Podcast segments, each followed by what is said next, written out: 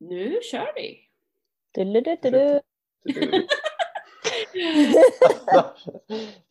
Hörni, vi gick ju ut redan förra veckan med att säga sa att vi hade ett resultat. Och vi hade ju ett resultat förra veckan som eh, vi har fortfarande denna veckan. Faktiskt.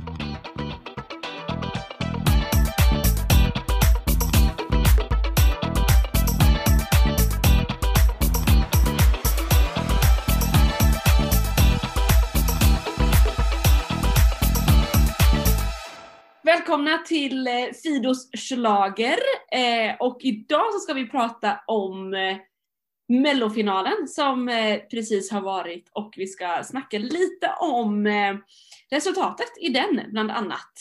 Vi har med Johannes och Jakob precis som vanligt. Och Hallå, sen, hallå. ja, och sen har vi med oss Peppe! Hejsan hoppsan tjolahejsan! Vår käraste, käraste gäst. Ja, det var- Vår favoritgäst. Tack för att jag får vara gäst hos er. Du, du var med innan eh, mellosäsongen drog igång. Det är, Ja. känns som att det var igår men det är ju liksom sex veckor sedan, sju veckor sedan eller något sånt. Eh, It's a while ago, but I'm back. ago. Och ni som har följt eh, Melodifestivalen på sociala medier i appen och på Youtube och TikTok och alla ställen där de nu finns har kanske följt Peppe lite mer också under följt Peppe under turnén. Eh, och vi tänkte att du idag Peppe ska få sitta med oss som en liten eh, sidekick och kommentator. Vi tänker att du har massor med roliga saker eh, som kan vara kul för oss andra att få höra som har hänt under hela tävlingen. Ja! Mer än gärna. Jag berättar mer än gärna. Vi vill veta allt.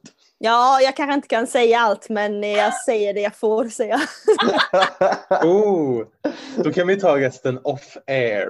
Ja, Hej, så precis. trevligt. Precis. Precis. Vi fick ju vara med i eh, uppsnacket i lördags som nu Peppe har haft på Melodifestivalens Instagram. Och där fick vi den svåra frågan vad vi är för typ av podd. Och jag har tänkt lite mer på det där. Eh, för du Jakob sa ju typ så här, tänk dig att man lyssnar på ett annat bord i lunchrummet där några andra kollegor sitter och snackar. Eh, och så råkar de kollegorna vara supernördiga schlagerfans typ. För det är ju så som jag alltid har förklarat våran podd. Precis, och jag har tänkt på det där för att jag, jag lyssnar på ganska mycket olika schlagerpoddar. Och jag har tänkt på det, att det är faktiskt, vi, vi är ju här och nu och pratar ju här och nu med varandra om det vi tänker på och det vi har upplevt och det vi känner. Och ibland så kanske vi faktiskt glömmer bort att vi har lyssnare. Och det är på gott och ont kanske. Mm. Alltså, jag, jag, jag fattar exakt vad du menar.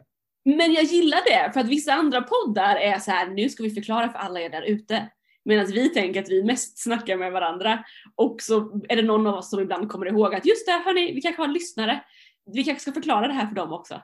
Så det försöker vi ju liksom hjälpa varandra med. Men jag har funderat på det där och det stämmer ju. Vi är sjukt interna. Så ni lyssnare nu då, om ni tycker det är kul att vi är interna så eh, hoppas Fortsätt lyssna. Tycker ni att vi är för oinbjudna? Jag tänkte att efter det här året kan vi ju säga, vi skulle kunna börja säga att våran podd är Erik Saade i finalen 2021. Vi är vår egen lilla värld och ibland så öppnar vi upp för omvärlden och ler in i kameran. Till exempel. Mot slutet. så bra! Jag vet ju att vi har lyssnare som gillar när jag drar sådana referenser, att någon är som ett bidrag något år eller ett något land. Och så vidare. Precis. Vi har ju vissa lyssnare som är väldigt nördiga, sen har vi vissa lyssnare som inte alls är det. Och då kanske de mer gillar vår jargong ibland också, tänker jag. Ja, men det tycker jag, jag tycker det är härligt. Man, får, man kan gilla ett litet fragment av den här podden. Ja. Man kan få gilla Mello, eller så kan man få gilla Frid, eh, Fidos röst, eller min humor, eller Johannes entusiasm över ballader. Det är liksom, man behöver inte älska allt, men i alla fall gilla något. Precis. Och man kanske identifierar sig lite olika med oss också. Jag vet, det var ju någon lyssnare som skrev det. Jag tänker nästan alltid likadant som Johannes. Jag kul att, att det är någon som gör det Jag också. tänker bara, och det är så skönt att jag har någon som håller med mig.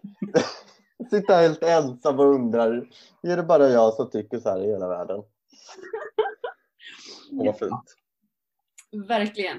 Eh, Men eh, så vi kör på och ska vi släppa bomben redan nu i början av detta avsnitt? Det är väl lika bra.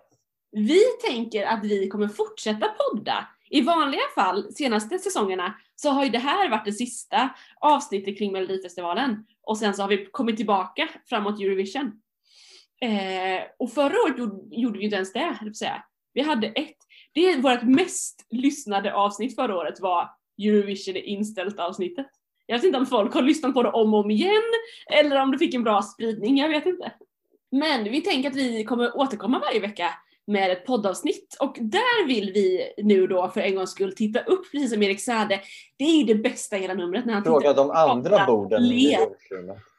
Vad sa du Johannes? Ska vi fråga de andra borden i lunchrummet nu? Ja, precis. Bjuda in dem till samtal. Vad vill ni att vi ska prata om? Vad vill ni höra mer av? Eh, vad tycker ni är roligt? Eh, vi närmar oss Eurovision, ska vi nöra ner oss all in i Eurovision? Ska vi berätta mer personliga minnen? Ska vi ha någon gäst? Ska vi gå tillbaka i historien? Ska vi, vad, vad vill ni att vi ska prata om? Eh, ge lite förslag så kanske vi nappar på något av dem, eller så kör vi på. Vi, vi lovar inte för mycket. Ja, men jag tycker det låter jättebra. Att, eh, kommer ni med förslag, då kommer vi ta dem i beaktande. Får vi inga förslag, då kommer ni ändå få någonting. Sen hur bra det är, det får vi väl se. Jag har ju några vänner som bara brukar säga Åh vad trevligt, jag satte på er podd igår när jag skulle somna. Jag bara, är det bra betyg att man har en som godnattpodd? Jag tänker godnattpoddarna är ju de som man ska somna ifrån liksom. Ja, det är svårt. Du är, jag skulle säga att det kanske inte är en komplimang, men eh, det, det är så sånt som händer. Så är det lite som när man var barn och typ bara ville att mamma och pappa skulle prata i köket när man skulle sova så att då visste man att de var där och det gav trygghet. Så det kanske Ja, är en grej. Ja, men det är väl det Melodifestivalen och Eurovision är. Trygghet framför allt. Det har vi ju upplevt i år i alla fall. Vi har ju Ja, kommit vi- tillbaka till det flera gånger. Det är ju Peppe som berättade om hennes teori som jag, vi har ju återkopplat till den. Att vi, trygghet, vi vill ha det, vi vill vi veta vad vi får. Det är Danny och det är Arvingarna och Perelli liksom. Men, ska vi hugga in lite i resultatet? Absolut. Det har väl inte gått någon förbi att det var Tusse som vann? Ursäkta? Jag har missat. Hur så? Men, Nej, men det, det har vi ju vetat nu en vecka, tänkte jag säga, ja, sen förra podden. Herregud, jag har jobbat här med det här i flera månader och jag har missat. Jag har missat. Det var en väldigt bra Louise Epstein, vill jag säga. Du, jag älskar Louise Epstein. Ja, Hon det tar- pratar också lite så här. Hon är liksom hela tiden lite ledsen, men egentligen så är hon lycklig. Jag älskar Melodifestivalen Och hiphop. Och hiphop. Jag lyssnar mycket på hiphop.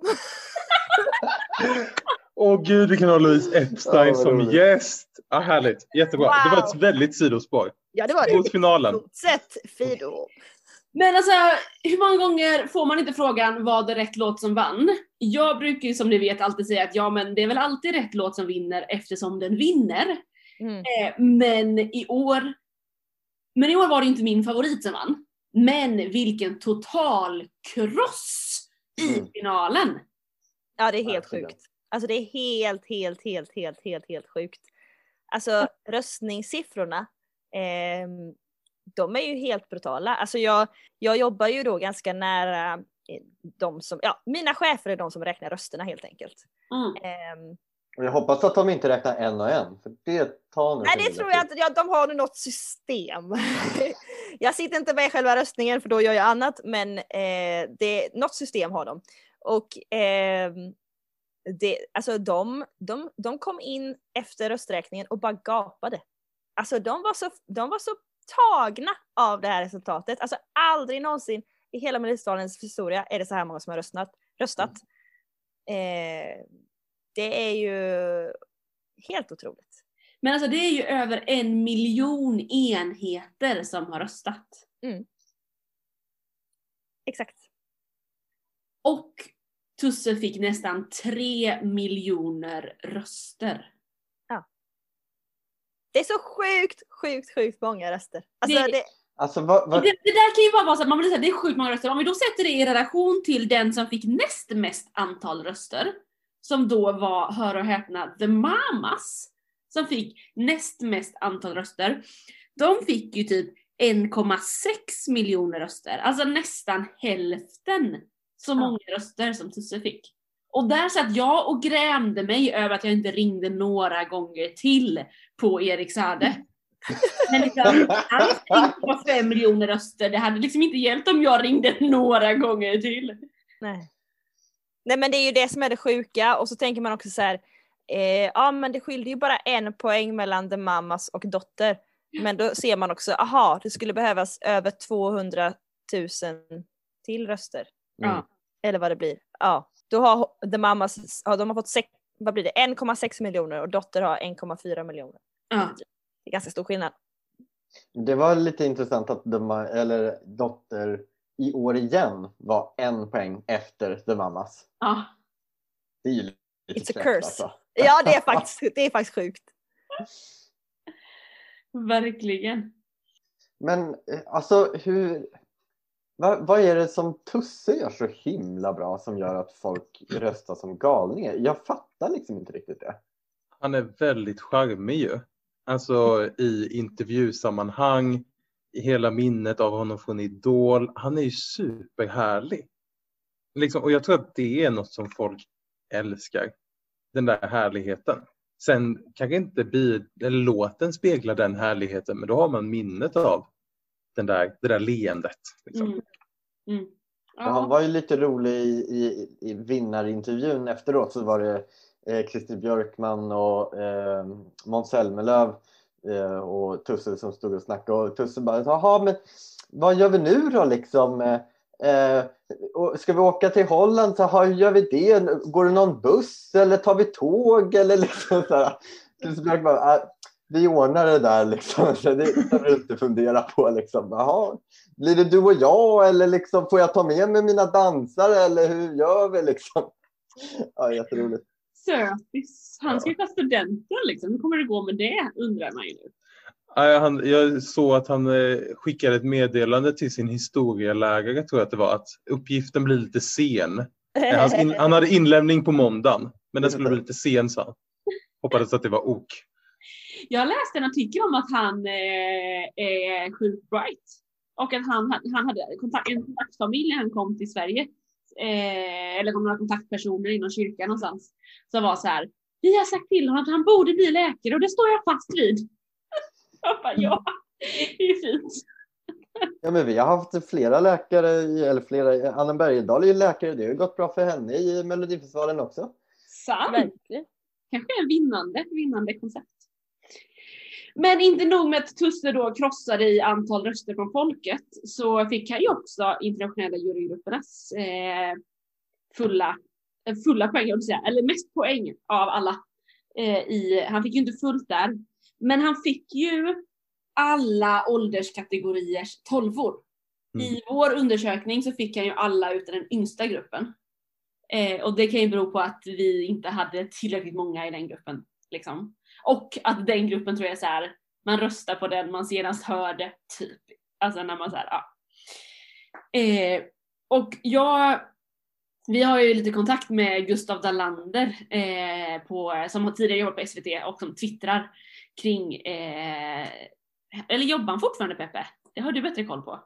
Eh, Gustav jobbar fortfarande för SVT men han har liksom en liten annan eh, roll. Eh, så han skriver liksom istället för att göra då bidragsbibeln som fanns förut som är liksom en eh, som en egen hemsida för alla att gå in på så gör han då mediasidan som är för all press att gå in på. Så att han blir som en kommunikationsperson, en kommunikationskanal med all information till all press när pressen inte kan vara på plats. Eh. Så skulle man väl kunna förklara det. Just Så han jobbar fortfarande eh, åt SVT men tyvärr så har han, eh, ja, han har inte jobbat på plats liksom utan han har gjort mest jobb innan eh, det är dags för varje deltävling. Just Sen är han liksom lite färdig med sina uppgifter när själva deltävlingen är och därför är han, har han en sån roll som tyvärr då inte har fått vara på plats stackarn. Mm. Han har varit saknad, det, det kan jag verkligen under, Verkligen ta åt dig understryka. Gustav, vi vet att du lyssnar. Eh, Förlåt, nu hoppar jag. Eh, Men är det många som jobbar med Melodifestivalen som inte har varit på plats? Så att säga? Eh, bra fråga. Eh, mina, det, det är nog en hel del. Eh, mina chefer till exempel då som jobbar med röstningen, de, det var ju bara på finalen de fick vara på plats. Eh, så de har jobbat från SVT-huset och det är fler som har jobbat från SVT-huset. Och det är väl också lite för att det ska vara lite uppsafeat. Fall någon blir sjuk så kan den komma in. Eh, och så vidare. Så att, eh, och sen då, ja men till exempel Gustav har jobbat på annan ort då. Ja, vi är ju många som har jobbat hemma innan så att säga. Ehm, ja, så eh, ja, speciell, speciellt år på många sätt. Mm. Men tillbaka till Gustav, nu kommer jag inte riktigt ihåg varför vi pratade om honom, men, vi, men jag tror det var, jo just det, vi pratade om, om våran undersökning. Eh, Gustav fångade ju upp den förra året när vi gjorde den eh, och eh, bloggade om den på SVT där han hade sin blogg. Och nu fångade han ju upp den i år igen och twittrade om den och internationella fansen var ju upprörda över att inte Dotter hade kommit högre i våran undersökning. Men det jag ville komma till var också att det verkar ju som att vi har en ganska bra, alltså de människorna, våra bekanta helt enkelt, representerar Sveriges folk ganska bra i vad de röstar och tycker. Och eh, han sa att han redan nu ser fram emot vår undersökning 2022. Och jag kände sån sjuk press. Ja men visst gör man ju det. Eller så här, även om man då hejade på att Erik Saade skulle vinna så kände man ju lite att det hade ju varit jobbigt om frågan våran undersökning hade visat jättefel i år helt enkelt. Mm, när den visade så rätt förra gången. Precis. Men sen visade den väl egentligen inte så mycket mer rätt än just första pla- placeringen. Och kanske Nej. urskilja lite mer Ja, sen. men ju topp- inte... Eh, eh, Men det kanske inte var no- no-brain, men topp fem visade ju vår undersökning. Även om det blev lite annorlunda placering. Ja, På. Danny försvann väl därifrån ganska. Han var väl ganska högt i våran. Danny var väl tvåa i våran. Exakt. Okej, ja. Och han kom sjua i folket, hos folkets poäng. Han kom sjua också i röst, antal röster. Det där är någonting som jag gärna vill prata om. Det ska Eh, eh, om liksom hur det här röstningssystemet, liksom det lilla amerikanska valet som Melodifestivalens röstningssystem är. Eh, men så här, man, kan, man kan ju liksom prata Är det här om... kritik Jakob? Är det kritik? Nej, det är inte en kritik, det är bara en observation. Ja just det. Eh, just det. Nej men eh, jag tycker att det är väldigt spännande att se, man kan ju prata om vem som är den största vinnaren och den största förloraren på det här systemet. Mm. Så till exempel Arvingarna, de fick tolfte flest poäng, alltså de fick minst antal poäng. Men Nej. de fick, nej röstare, förlåt, röstare. Mm. Men de fick nionde mest poäng. De klättrar, de, de är den största vinnaren i år. För att de får tre placeringar högre poäng än vad de fick röster. Eh, och jag tror att Klara Hammar, eller Klingenström är ju samma sak. nej, hon går bara upp två, eh, två placeringar. Okej. Mm. Men, eh, men absolut, hon går från femte flest röster till tredje mest poäng. Medan. Dotter går från tredje mest röster men till femte mest poäng. Ja. De har liksom bytt plats där. Och det är ju, alltså, jag, jag, jag menar inte att, man, att det behöver vara kritik, men det är ju spännande att se, okej men hur, eh, om man skulle utgå från det gamla systemet, eh, när det ändå var internationella jurygrupper men att befolkningen räknade ut, eller delade ut poäng procentuellt Ja. utifrån rösterna. Hur hade det, det hade ju absolut inte förändrat vinnarresultatet i det här fallet. Men det kan vara lite spännande att se, okej men vad får vi för olika resultat beroende på hur vi räknar rösterna. Mm. Ska det vara Hillary Clinton eller Donald Trump som vinner? Liksom? Precis. Har, det, har det diffat mycket i vinn? Jag tror inte det har gjort det va? Eller? Jo, dot, var det så att Dotter fick fler förra året? Jag kan typ tänka mig att det var det. Har vi någon historia på det här? Oh, det, nu, det visar sig att vi inte var så nördiga som vi trodde. Åh rackarn varm. Men för jag tänker att så länge som det är som nu, att det är så tydligt att Tusse skulle vunnit oavsett, så tänker jag att det inte är ett så, så stort problem. Mm. Men det kan ju bli ett problem om det då hade varit så att det stod mellan eh, Erik Sade och Klara Klingenström till exempel. Att då hade Klara liksom slått honom i antal poäng men han hade fler röster. Men sen är det väl, jag tänker eh, mellan internationella jurygrupperna och folkets poäng så skiljer det ju lite men det är ändå Tusse var en solklar vinnare från båda liksom. Ja. Eh, och eh, The Mamas fick ju mer poäng från folket än för, är det, finns det stor skillnad där? Det är ju hyfsat lika ändå. Alltså det är inte så, det är inte så att liksom eh, som när Charlotte Perrelli vann, eh, ja nu är det 2009, hjälp, att då vann Åtta. hon ju tack 2008, då vann hon ju tack vare jurygruppen. Eh, då vart det ju lite ramaskri. Ja. Eller, eller när det är liksom Benjamin Ingrosso i Eurovision 2018 också så här skitmycket poäng och sen så kommer folket, ah, det blir två poäng eller vad det nu var. Alltså, Ja, ja precis. Å det, det var sidan- ingen å- sån. Nej, men precis. Å andra sidan, om det är helt jämnt mellan internationella jurygrupperna och folket, men då är, ju, är det ju liksom onödigt att ha en internationell jurygrupp om vi ändå kan sköta, sköta det själva, liksom, så att säga. Mm.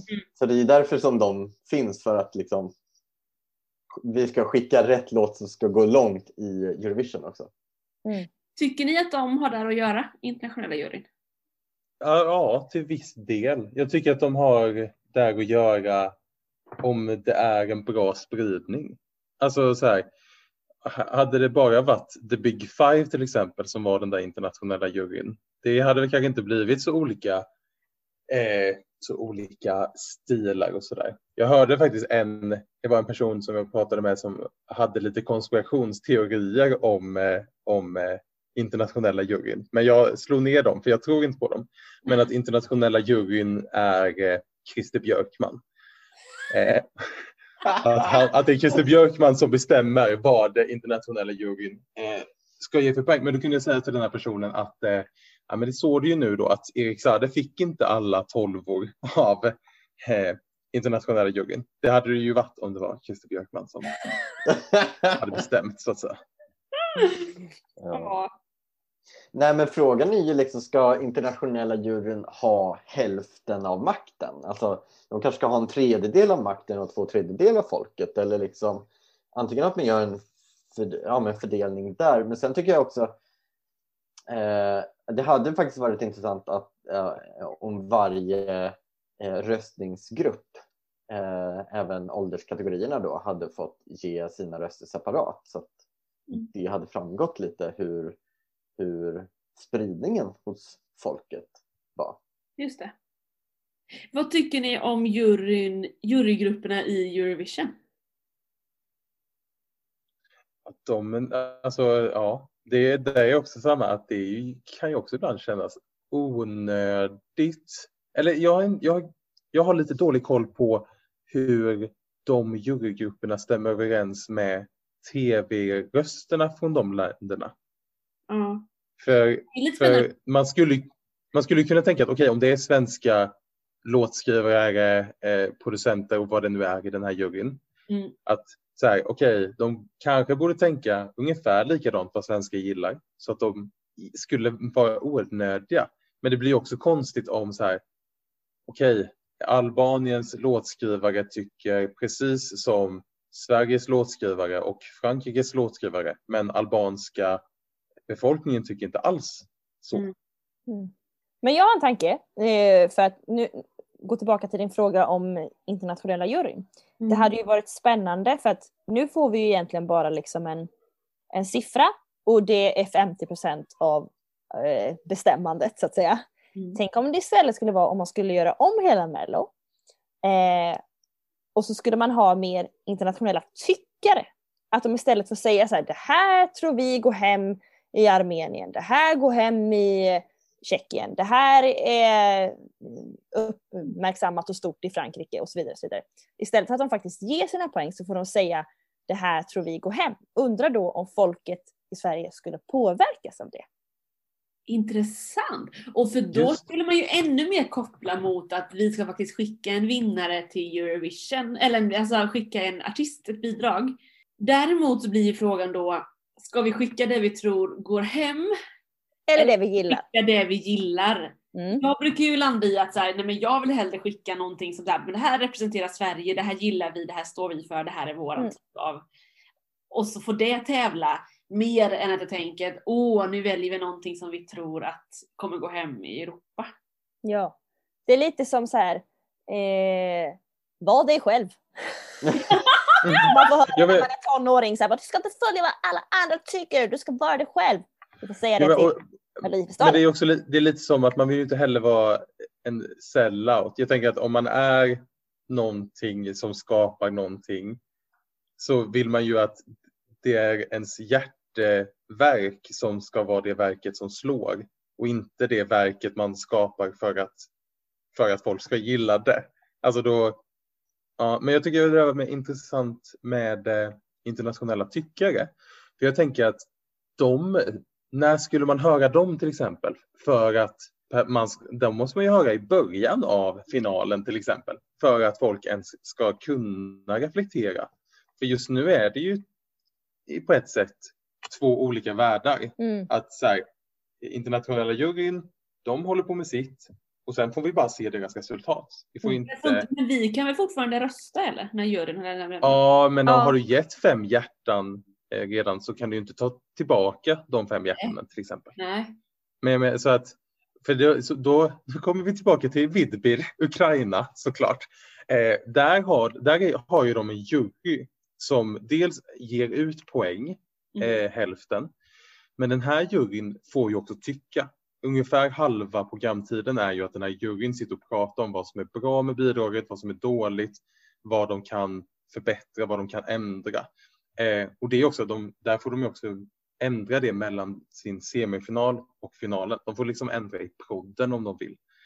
Eh, och det vet jag inte om man behöver ta. Men det, det här med att tyckandet och att tyckandet kan få dels eh, påverka bidragen, artisten, sången, men också kan eh, bidra hur folket röstar. Det är liksom något som finns i andra länders uttag. Det är en intressant tanke. Fundera vidare. Men jag, ja, men jag har en kompis som pratade lite om det här med jurygrupperna och tyckte att juryn ska bort helt. Liksom. Svenska folket ska ha all makt. Eh, och jag är mer så här i Melodifestivalen tänker jag att så här, ja, nu är det så här och det funkar väl. Typ. Det är det här som är spelets regler. Alltså jag, där är lite mer sådär.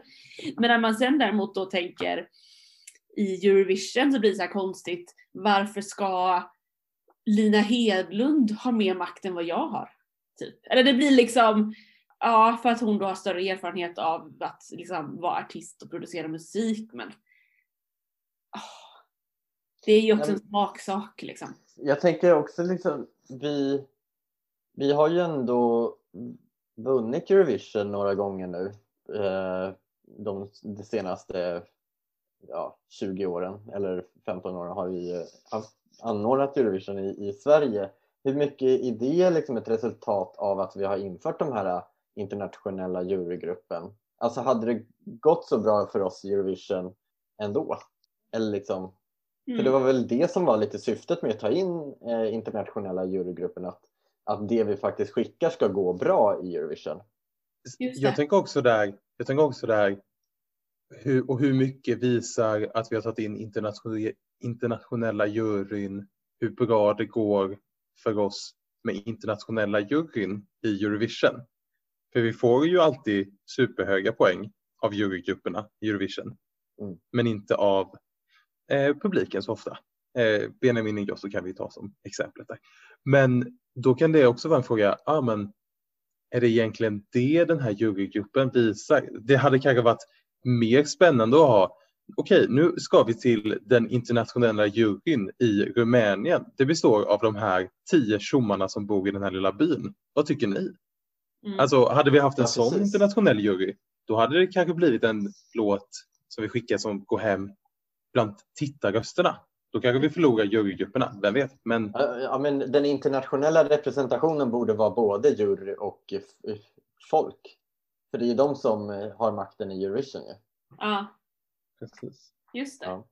Jag tror oavsett eh, att det på något sätt, obs, det här är inte för att jag jobbat med Mello, utan det här är bara en teori jag själv har. Eh, nu när Christer slutar, att det kommer bli en förändring. Alltså jag tror det, nu kommer det hända grejer i Melodifestivalen. Det är dags, det har gått 20 år, det har sett ganska likadant ut med små förändringar längs vägen. Jag tror det kommer hända något stort 2022. Just saying! That's my... och Det ser vi jättemycket fram emot. Ja, det vill vi ju. Alltså det är ju kul med förändring tycker jag. Alltså jag hoppas verkligen på eh, att eh, våran idé om det internationella folket. Alltså det hade varit dröm att se en liten polsk babutjka sitta där och på knagglig engelska ge sina poäng. Jag skulle kunna ta på mig det jobbet, åka runt och samla ihop random människor i olika europeiska länder. Lätt jag för det med. Ja, bra. Vi gör så snabb gallup och åker runt och hämtar lite random folk bara. Heja folket säger jag, heja folket. Sån dröm. Ja, det var roligt. Men vad tänker vi ehm, kring programmet i, i övrigt då? Finalen? Jag tycker att rent tv-mässigt var ett väldigt roligt program. Jag tycker manuset var klockrent. Jag gillade mellanakterna. Och eh, vi satt där och tittade på varandra i soffan bara Edvard af Sillén måste ju ha varit med här på något hörn liksom. Eh, jo men visst var det ju så. Så var det. Eh, nej, jag tyckte det var ett, eh, överlag väldigt bra tv-program. Ja. Väldigt roligt. Familjärt roligt. Verkligen. Och så, alltså, Måns ger ju ändå trygghet till det där programmet. Att man, så här, man vet att han vet vad han gör. Och det är väl för att man också har sett honom leda Eurovision, tänker jag. Att då det skapar en trygghet hos, hos mig som tittare. Eh, jag tyckte de gjorde det väldigt, väldigt bra. Jag håller helt med. Jag tycker det var jättetrevligt. Det var kanon. Toppen. Jag tycker också det var toppen, jag kan inte säga mer än så. Nej men jag tycker det, det är så spännande för jag hinner ju typ inte se programmet. Även om jag då är där på plats så är det som att man missar, man missar de där detaljerna som du ser i tv-rutan. Ja. För att då under tiden som programmet rullar så några minuter kanske är då, alltså vi har sociala medieteamet, engagemangsteamet som heter, vi har suttit liksom nere i en källarlokal, vi kallar det bunken. Det är för att det finns inga fönster och skitdåligt ljus. Så det var riktigt mörkt hela dagarna. Och då sitter man där nere och så har man en monitor långt bort med dåligt ljud så man hör inte riktigt. Och sen ska man då ta sig från den här bunken upp till annexet och då tar det ju en viss tid, det tar kanske tre minuter att gå dit. Då har man missat tre minuter av programmet. Ehm, så att det är mycket man missar eh, under tiden så att jag har sett det faktiskt i efterhand hemma och det är ju det är skitbra och shoutout till men alla höll på att säga som har jobbat med det här, men alltså manusförfattarna Micke Mårtensson och Anna Granat som ändå har lyckats anpassa liksom program vecka efter vecka, skitbra. Eh, och liksom innehållsproducent som har jobbat jättemycket med allt innehåll som inte är tävling. Kalle Möller som också gör ett skitbra jobb som så här, ett namn som aldrig nämns men som Mm. fucking sliter dag och natt. Nu svor jag också. Men det är så många som sliter dag och natt och. Bränner ut sig för att alla där hemma ska få bara njuta av det här programmet. Och det är liksom big applause till dem. Verkligen. Ja men verkligen. Och det där är ju fascinerande för jag lyssnade på den här intervjun som eh, ni gjorde med, med Christer Björkman för de internationella fansen som var på, på utrikiska, på att säga. Just det. Och- Som också alla frågade, för jag, jag, det var jag som filmade den här. Jag filmade, tryckte på rec ungefär och modererade chatten. Men det var ju på Youtube och det var ju roligt att folk bara “Varför gör ni det på engelska?” Och det är ju det är roligt för att de internationella fansen är ju som galna och det här var ju den liksom livesändning som hade flest, flest tittare. För ja, att de internationella fansen, de följer ju allt det här och de älskar allt det här. ja. Ja, for, fortsätt Frida. Men då fick han ju lite frågan om typ så här, hur tror du det kommer gå för, för din efterträdare? Eller något sånt var ju frågan. Han Mm. bara, ja nu är det inte bara en efterträdare utan det är två efterträdare. Och det Mm. har det ju pratats väldigt lite om egentligen. Mm. Alla pratar om Karin, att Karin ska ta över efter Christer och Karin tar över. Men att det också, att Lotta Furuback heter hon va? Ja, Furubäck. Mm. Furubeck. Eh, hon går ju in i liksom allt mer liksom visuellt av bidrag och så vidare. Karin har bra koll på musik och den biten och skapar den. Medan Lotta är mycket bättre på liksom hur, hur ska det se ut i rutan och film och det är därför hon förstod jag det som, vad som också kommer vara delegationsansvarig, eller om det är Christer fortfarande i år kanske. Men för att det kommer inte Karin vara för då handlar det så mycket om att se det visuella i rutan och forma numret. Och det är inte Karins eh, starka sida på det sättet, utan det gör Lotta. Och sen så var det någon annan, vid någon annan podd tror jag, en annan snack, jag hörde någon annan som nämnde några ytterligare namn på personer som kliver in efter Christer. För Christer har andats och levt det här dygnet runt 365 dagar om året under 20 år. Och nu ska folk kliva in och ta över det. Och det är ju väldigt, alltså det blir så här att de typ kliver in och jobbar med sin passion och det där, alla sådana yrken är ju väldigt speciella yrken. Liksom. Jag finns ju lite i samma bransch, eller säga. Ja, just det. Kyrkan och Mello, det är samma. Inom kyrkan där många också så här, många jobbar volontärt och de som inte jobbar volontärt brinner för det man gör och man jobbar dygnet runt och det blir så här, ah, är det hållbart?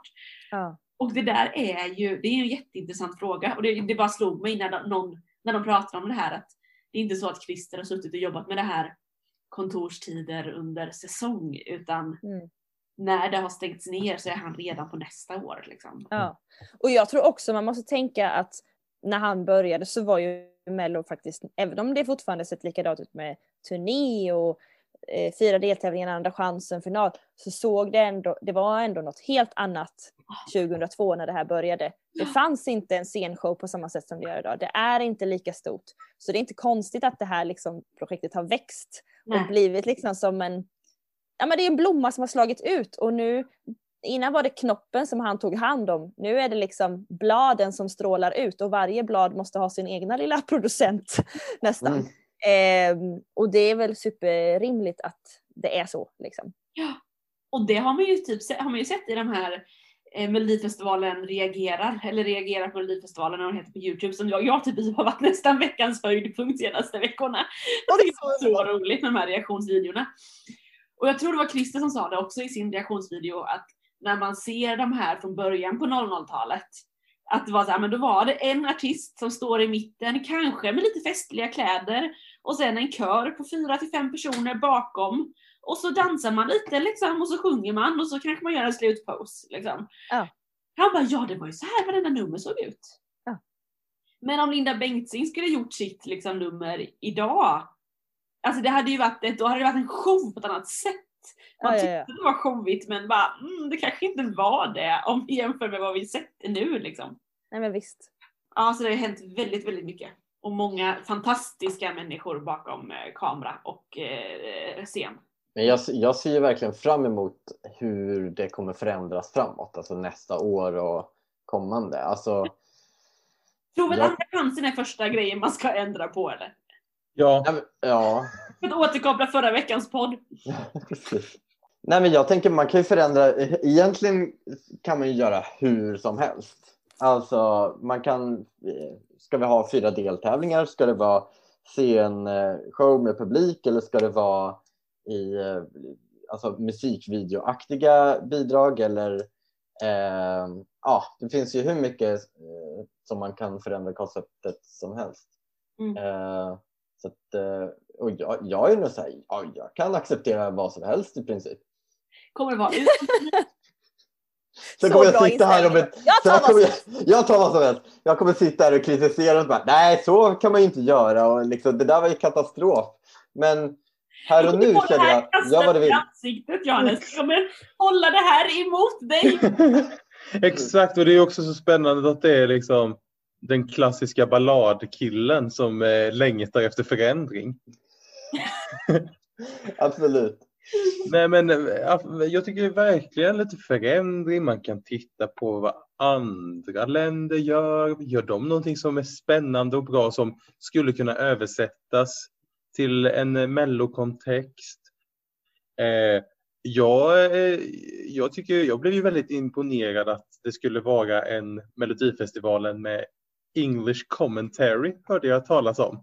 Mm. Eh, och eh, det tyckte jag, åh vad, vad bra, vad roligt. Liksom, alla mellofans som sitter och tittar på eh, Portugals Melodifestivalen och inte fattar någonting. Och så kan Och de få titta på Vem Ja. är det Titta på som Mello. kommenterar då? Ja, då har jag verkligen frågat, vad var det för kommentator? Jag Det lyssnade var lite. en tjej från eh, BBC eh, och eh, som har någon mellokoppling. Jag vet inte exakt hur. Och en annan tjej från Sverige som har bott flera år i också England tror jag. Eh, Som är ett stort, stort mellofan. Eh, Okej. Så att det var liksom två, en eh, native English person och en svensk men som är bra på English och väldigt insatt i mello. Eh, ja, typ så. Och eh, ja, alltså det här har ju varit så superuppskattat. Alltså fansen har ju Mm. ropat av glädje Ja. Ja, men exakt. Men man kan ju inte gränserna. ha ett fan så, alltså man kan ju inte in, vänta, hur blir det? Man kan inte inte ha ett fan som kommenterar Melodifestivalen eller Eurovision. Det blir ju pannkaka. Nej men visst, då vet man ju inte vad man pratar om. Man måste ha lite insikt i alla fall. Exakt, och det tänker jag, jag tänker att det är liksom något som kanske också hör framtiden till. Att eh, inse att okej, men Mello är, det är inte bara hela Sveriges fest, det är också hela Sveriges plus de internationella galningarnas fest. Ja. Att, så här, ja, men att, att ta tillvara på det och så här, ja men det behöver inte vara, jag tycker inte att hela Mello ska bli på engelska, men att ha en engelsk kommentator, det är väl jättekul. Men vet om några år så kanske det är Graham Norton som också kommenterar Mello. Ja, men det var väl super på, på tiden och som sagt, jag också bara, eh, så här, att det var jättemånga på Twitter som var superglada. Det hade dock varit viss eh, svårighet att översätta det här Christer mellanakten, det här lilla medlet. De bara, hur ska vi förklara det här? det är mycket internt här nu. Du kommer där in och så vidare. Just det. Jag såg också dock, jag såg också dock några, några kommentarer från eh, svenskar som inte verkar förstå hur SVT Play fungerar. För det var nog några som kom in på den English Ah. commentary. Det var några, jag såg att det var folk som hade skrivit på, om det var på Instagram så här. Vad är det här för kommentarer? De är så dåliga. Det stör programmet. Just det. Det är som när man hamnar på syntolket. Ja, precis. Ja, det har jag gjort 24. flera gånger. Ja, ja man, man råkar sätta på SVT 24 istället för SVT 21 och bara, vad är detta? Varför kommenterar de att han har glasögon på sig och går in i köket? Jag ser det! Ja, just det. Det var för de blinda. Det var roligt. Har vi något mer vi vill tillägga om eh, Melodifestivalsfinalen 2021 eller? Alltså, eh, nej, bara ett stort grattis till Tusse och eh, så himla fint i slutet när Erik bara typ säger till honom, men hallå du har ju vunnit. Alltså det är så här, Ja, han börjar typ applådera, applådera en halv minut innan Tusse ens får sina poäng. Jag tycker det var fint. Ja, det var roligt att han bara, du har vunnit. Han bara, nej. Jo, du har vunnit. Nej, det har jag bara, jo, du har. Ja men verkligen, alltså Erik fattade ju det. Och det känns som att Erik också var så himla glad över sin andra plats. Menar, han har också redan vunnit Ja. en gång och, och han har dessutom eh, jag tycker att han kan känna igen sig i Tusse. Han var i samma ålder när han vann. Alltså, Precis. det blev en fin generationsöverlämning. Ja, det är sant. Det är sant. Det är väldigt fint. Även om jag ju önskar att han skulle få en bättre låt och komma tillbaka nästa år och vinna. Nu har jag fått helt enkelt köpa att han vann i år istället. Just det. Det får där gå. Är det någon som har sett presskonferensen? Ja, lite. Utvalda delar har jag tittat på.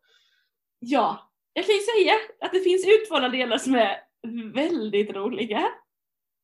Och man kan fundera på vad, vad Vad består de andra delarna av då? ja, det, jag har bara sett utvalda delar jag också. Men jag tänkte säga att man kan väl... Stor Jag, bland mina vänner. Dannys intervju på presskonferensen.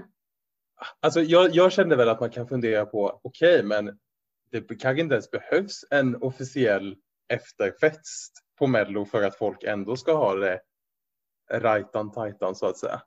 Men min syster och jag resonerar ju som att okej, han gick ut först och han visste att han inte skulle vinna. Så att han började nog liksom festa ganska tidigt på lördagskvällen, så att säga. Ja. Så att eh, presskonferensen med Danny, alltså det är som Den en, är sevärd eller? den är sevärd, det är som en liten stå upp eh, eh. Alltså jag skulle säga att det är ju en upplevelse. det är, en, eh, det är liksom en ex- experience att ta sig Kan inte igenom berätta den. något vad han säger då? Ja, men Ja, Jag har eh, bara Frida- sett några Frida, Frida, sekunder. ska, Frida, ska jag vara, ska jag vara eh, eh, intervjuaren och du är Danny? ja. okej. Ja, eh, hej Danny, eh, Angelica från Expressen här. Hej Angelica! Eh, ja, hej, hej. Eh, ja, vad, ska du, vad ska du göra nu? Men alltså, det kan jag inte säga. Det, det är ju Nej. olagligt. Ja, oh, okej. Ja men alltså du vet liksom, eh, jag ska... Nej men du vet, ta det lite lugnt med nära och kära. Okej. Scen, slut på scen. Eh, alltså, Men det är också det till varje person, så när de säger ja, eh, Angelica på Expressen, hon bara, hej, ja, Angelica, han bara hej! Alltså han typ går upp i falsett och säger hej. Och sen är det någon annan som ska skriva, han bara ja! men han går bara upp i falsett när det är tjejerna. När det är killarna så säger han typ Tja Conny. Liksom, han säger alltid det. Alltså det var, ja, jag, vi ska inte spekulera vad han har fått i sig. Men eh, det, man kan titta på hans blick skulle Ja. jag säga. Det är Men, ja. Men, eh...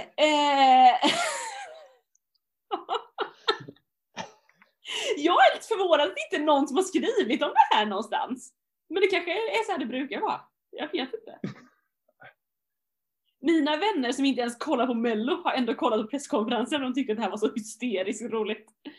Så att eh, det är värt att leta upp mina vänner. Det låter som det. Det låter som det. Mm. Peppe, har du någon back behind the scenes berättelse för oss innan vi ska tacka för idag? Alltså jag har ju försökt tänka här lite under kvällen som vi har när vi har poddat. Men jag har ju ingen riktigt så story. Men jag kan berätta, jag kan berätta från mitt huvud ungefär hur det går till ehm, under tiden som jag jobbar. Ja. Ehm, och så kommer jag kanske på någon anekdot, det vet man aldrig under tiden. Nej men vi som sagt sitter ju och jobbar i ett litet kontor eh, som är då en bunker långt ner i en källare. Eh, och alla lever i sina små bubblor så att man träffar i stort sett bara de man jobbar med. Och sen är vi, har vi tillgång till artistzonen. Och då har liksom de en viss plats de får vara på och sen har produktionen en viss plats de får vara på. Och även ehm, eh, vad heter det? Redaktionen och så vidare. Och så, vidare. så allt är superuppdelat. Eh, vilket gör att man träffar inte så mycket folk. Det blir inte så socialt. Det är lite tråkigt. Men vi får ju socialisera oss i alla fall lite med artisterna för vi spelar in lite klipp med dem. Eh, precis innan sändning så har jag den här lilla uppsnacket som man kan titta på i efterhand. Efterhand? Oj då. Efterhand. Förlåt för mitt fula språk. Eh, på Instagram. Kanske inte jättekul, kanske roligare att se live. Men där var ju då ni gäster i finalen vilket var väldigt, väldigt roligt.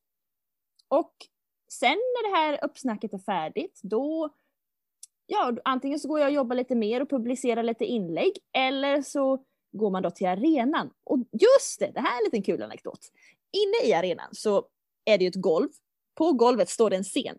Sen ovanför golvet så finns det en liten balkong runt om hela scenen där man kan Mm. titta ner, snett ner på scenen. Så att säga.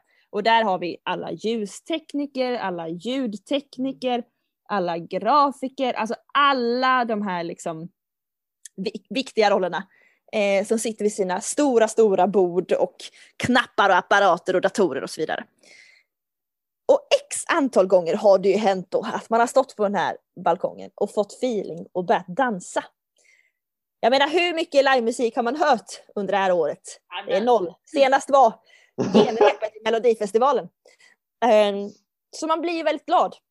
Men då har det ju efter, jag tror det första var bidraget Sami och Val, deltävling två vill jag säga.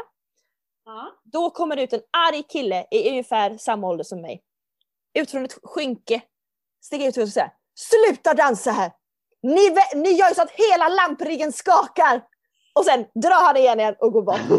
eh, och då visar det sig att vi har alltså skakat hela den här ljusriggen som ska vara strålkastarljus på artisterna.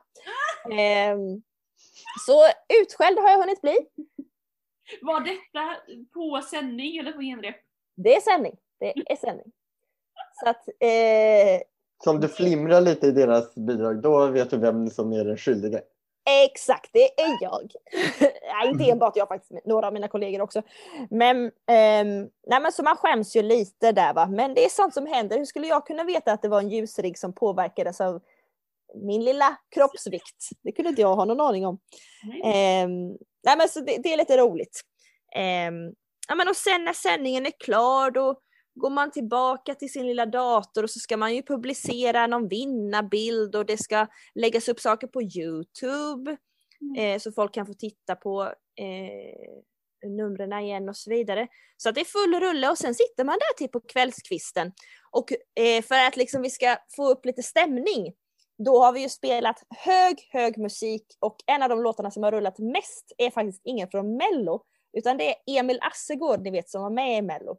Ja. Ja, han har en annan låt som heter All In. Ikväll kör vi all in. Har du ingen drink att ta min, jag kan betala för två. Så kör bara på. Den låten, om ni vill ha lite pepp, då kan ni lyssna på den. Det är ju inte mello då, men eh, den är lite god. Så det är väl ungefär så veckorna sett ut. Eh, en annan rolig händelse var ju att eh, vi har ju som sagt inte träffat någon i produktionen då, utan det har varit ganska eh, få sociala kontakter. Men den, på lördagen, finalen, så skulle det vara en gemensam skål. Eh, så alla liksom skulle få ses någon gång. Eh, 16.45 var väl klockslaget.